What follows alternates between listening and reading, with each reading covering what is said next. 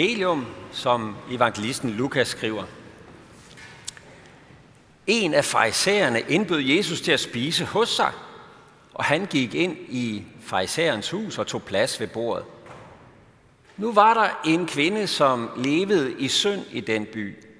Da hun fik at vide, at han sad til bords i farisæerens hus, gik hun derhen med en alabaskrukke fuld af olie, stillede sig grædende bag ved hans fødder og begyndte at væde hans fødder med sine tårer og tørrede dem med sit hår, og hun kyssede hans fødder og salvede dem med olien. Da fejseren, som havde indbudt ham, så det, tænkte han ved sig selv. Hvis den mand var en profet, så ville han vide, hvad det er for en slags kvinde, der rører ved ham. At det er en, der lever i synd. Jesus sagde da til ham, Simon, jeg har noget at sige dig. Han svarede, sig det, mester. En pengeudlåner havde to skyldnere. Den ene skyldte 500 denar, den anden 50. Da de ikke havde noget at betale med, eftergav han dem begge deres gæld. Hvem af dem vil så elske ham mest? Simon svarede, den han eftergav mest, vil jeg tro. Jesus sagde, det har du ret i. Og vendt mod kvinden, sagde han til Simon, ser du denne kvinde? Jeg kom ind i dit hus, og du gav mig ikke vand til mine fødder, men hun har vædet mine fødder med sine tårer og tørt dem med sit hår. Du gav mig ikke noget kys, men hun er blevet ved med at kysse mine fødder, siden jeg kom herind. Du salvede ikke mit hoved med salve, men hun har salvet mine fødder med olie. Derfor siger jeg dig, hendes mange sønner er tilgivet, siden hun har elsket meget. Den, der kun får lidt tilgivet, elsker kun lidt. Og han sagde til hende, dine sønner er tilgivet. De andre ved bordet begyndte at tænke ved sig selv, hvem er han, som endnu tilgiver sønner? Men han sagde til kvinden, din tro har frelst dig. Gå bort med fred. Amen.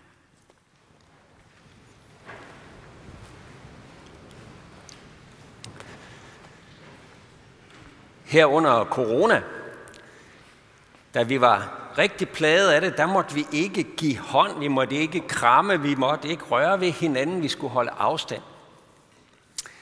Det er godt nok dejligt, at vi kan få lov til sådan at give hånd igen og, og, og kramme lidt her. Hvor mange herinde er glade for at få et godt kram? Hvor mange herinde vil gerne have et kram af en fremmed? Oh, det var... Okay, der er nogen, der lige venter på, at de går ned og krammer dem her bagefter. Det kan godt være godt med fysisk øh, kontakt, men går det ikke lidt over gevind i den her øh, historie, vi lige har haft for os, hvor Jesus er til fin fest inde hos farisæerne, og så kommer der en prostitueret, skal vi forstå, en prostitueret kvinde ind, som byen har vidst, at det var en, der lå med lidt forskellige mænd øh, rundt omkring. Hun kommer ind, og så begynder hun min sanden og sætte sig over Jesu fødder og begynder at græde og, og, og, og tørre hans fødder med sit hår og kysse hans fødder. Det er da lidt mærkeligt. Man kan da godt forstå, at, at folkene der ved bordet, de undrer sig. Prøv at forestille jer, hvis det skete her i dag, I sidder her til fin fest alle sammen. Så kommer der en, en dame ind, som er godt smurt til og, og ligner en, der er blevet malet godt og grundigt og, og begynder at gå ned til Jes hernede, på, på første række dernede, han sidder lige dernede, og, og begynder at overkysse ham og, og tage hans sko af og, og, og kysse hans fødder og den slags. Jeg tror da nok, vi vil kigge lidt. Jeg ville da i hvert fald kigge lidt, og så tænker jeg nok, at den ville spørge Jes bagefter og sige mig, Jes, hvad, hvad, er det en, du kender hende der? Hvor, hvordan? Hvad er det lige, du har gang i der? Eller, eller hvad skete der lige der? Det er godt nok lidt underligt. Og hvordan er hun egentlig kommet ind? på at forestille jer, at det her det er en fin fest ved de fornemme der i byen. Ikke? De har inviteret Jesus ind, fordi de har hørt ham forkynde. Han er en, en rabbi, og rygtet var gået foran, og, og han var berømt og så noget. Nu vil farisæeren her gerne lige invitere den her øh, kendte mand ind og servere noget mad for ham. Hvordan kan det være, at der pludselig dukker en prostitueret op? Kunne man jo godt spørge. Hvordan er det egentlig gået til? Så sagen er jo, at dengang i sådan et landsbymiljø der, der ville folk jo have stemlet sammen om den person, der kom til byen, som var kendt, og de havde hørt rygterne om ham. Og når han så blev inviteret hjem til farisæerens hus, så ville de jo alle sammen være interesserede. Hvad sker der nu? Hvad siger han? Hvad foregår der? Så de havde stemlet sammen omkring huset. Og den her kvinde, da hun hører, at Jesus er der, så skal hun også hen og se, hvad der foregår. Hun skal også være med. Og så er det, hun opdager en katastrofe. Fordi det er ikke kun underligt, den måde, den her kvinde pludselig vælter ind og, og giver sig til at kysse Jesu fødder, det er godt nok brud på skik og brug, det må vi nok indrømme. Men der er sket et alvorligt brud på skik og brug lige inden. Simon, fraisereren, den her religiøse leder i byen, han havde ikke behandlet Jesus som man behandler en ligeværdig eller en erhverdig gæst.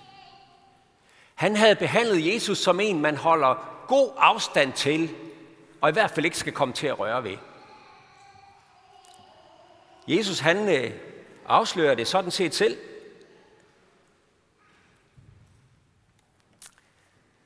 Han siger det sådan her, jeg kom ind i dit hus. Du gav mig ikke vand til mine fødder. Du gav mig ikke noget kys. Du salvede ikke mit hoved med salve.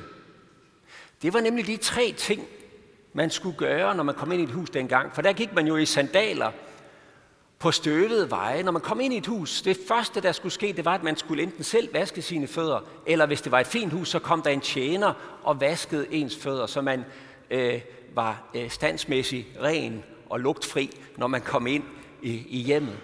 Og så vil man blive modtaget af kys på kinden. En ligeværdig kysser man på kinden.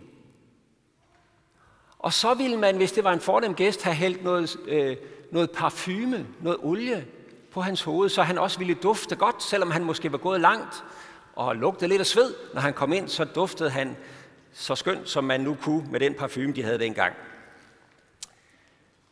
Simon havde ikke gjort nogen af delene. Han var ikke sikker på Jesus. Han holdt ham på afstand. Han behandlede ham som en, ja okay, du er inviteret med hjem, jeg skal lige finde ud af, hvem du er. Og se, det er det, den her kvinde, hun så.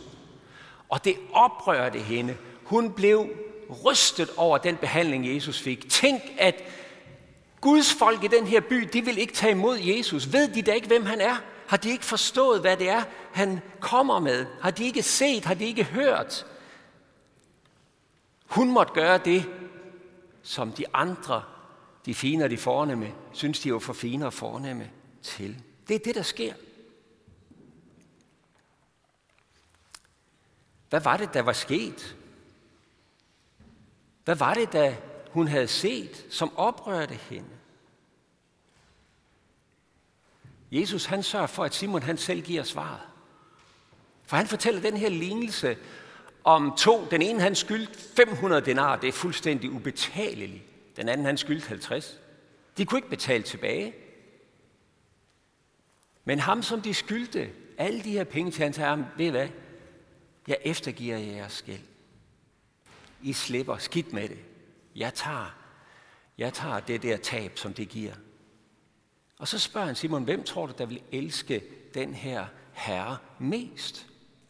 Og Simon ved jo godt, det er nok den, som skyldt 500 denar, som han aldrig ville kunne betale tilbage. Han ville jo simpelthen være så glad. Og det var det, der var sket.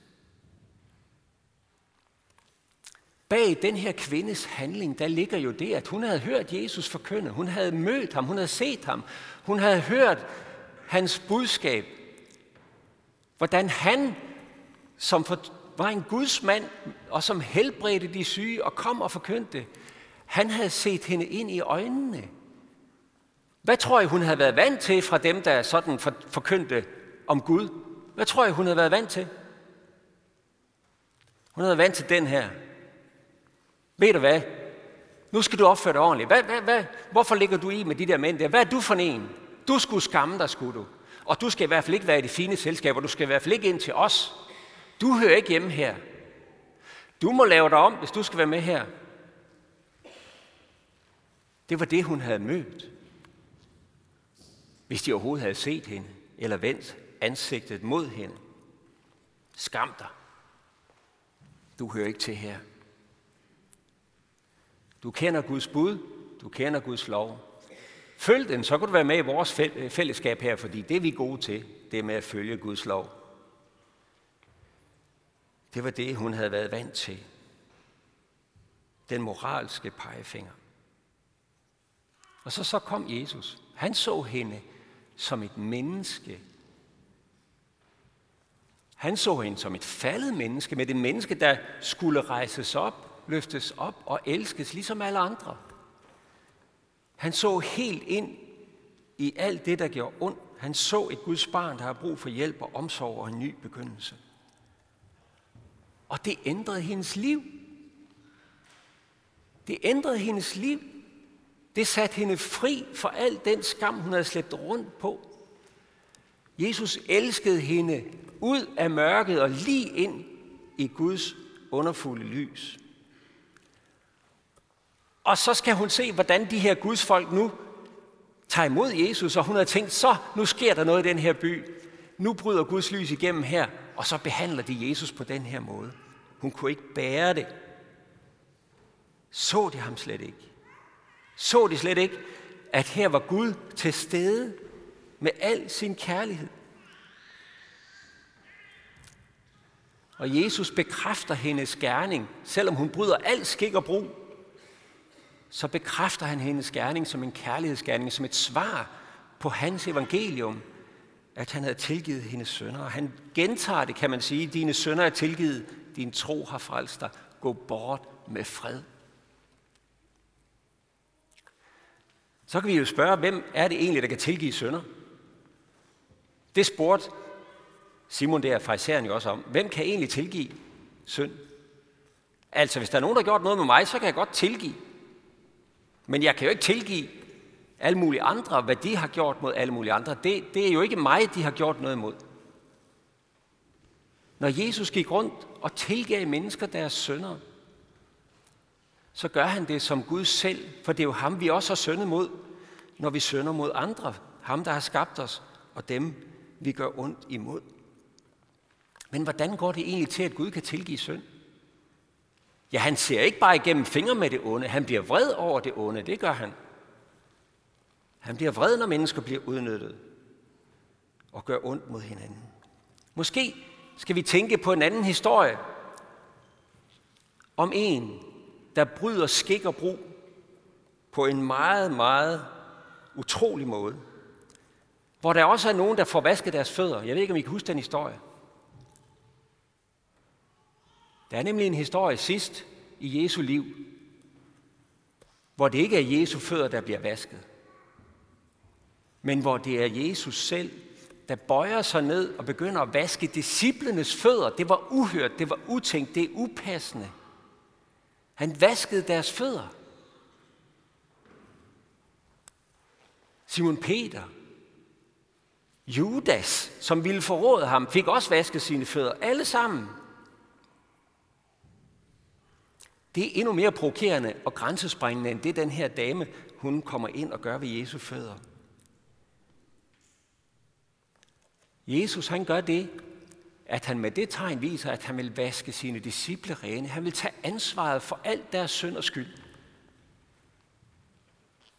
Det var det, Jesus kom for at gøre.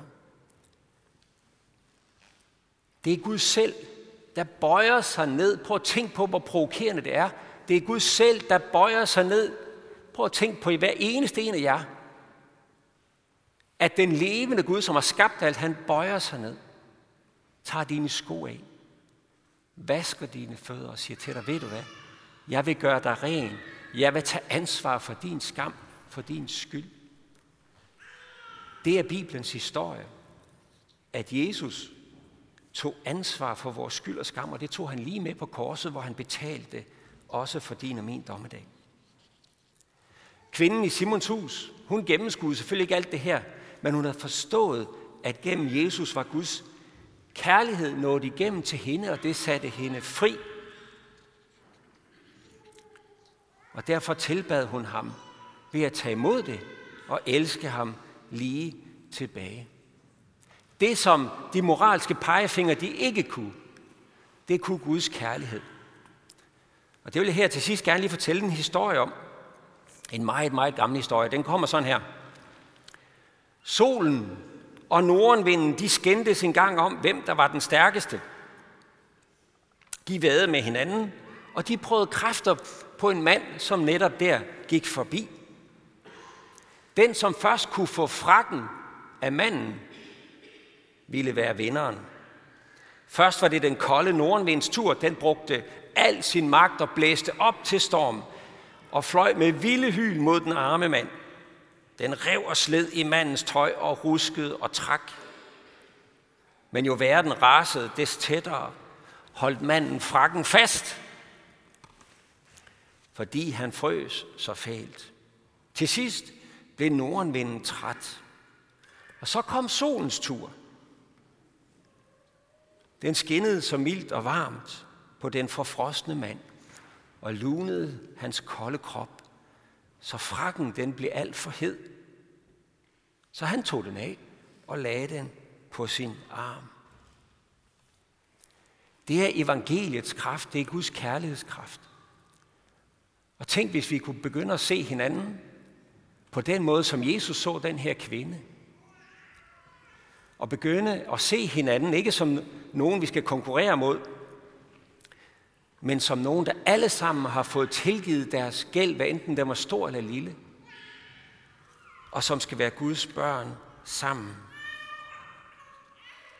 Lov og tak og evig ære være dig, hvor Gud, Fader, Søn og Helligånd, du som var, er og bliver en sand treenig Gud, højlovet fra første begyndelse, nu og i al evighed. Amen. Så vil vi rejse os og tilønske hinanden, hvor Herres Jesu Kristi nåde, Guds, vor Fars kærlighed og Helligåndens fællesskab være med os alle.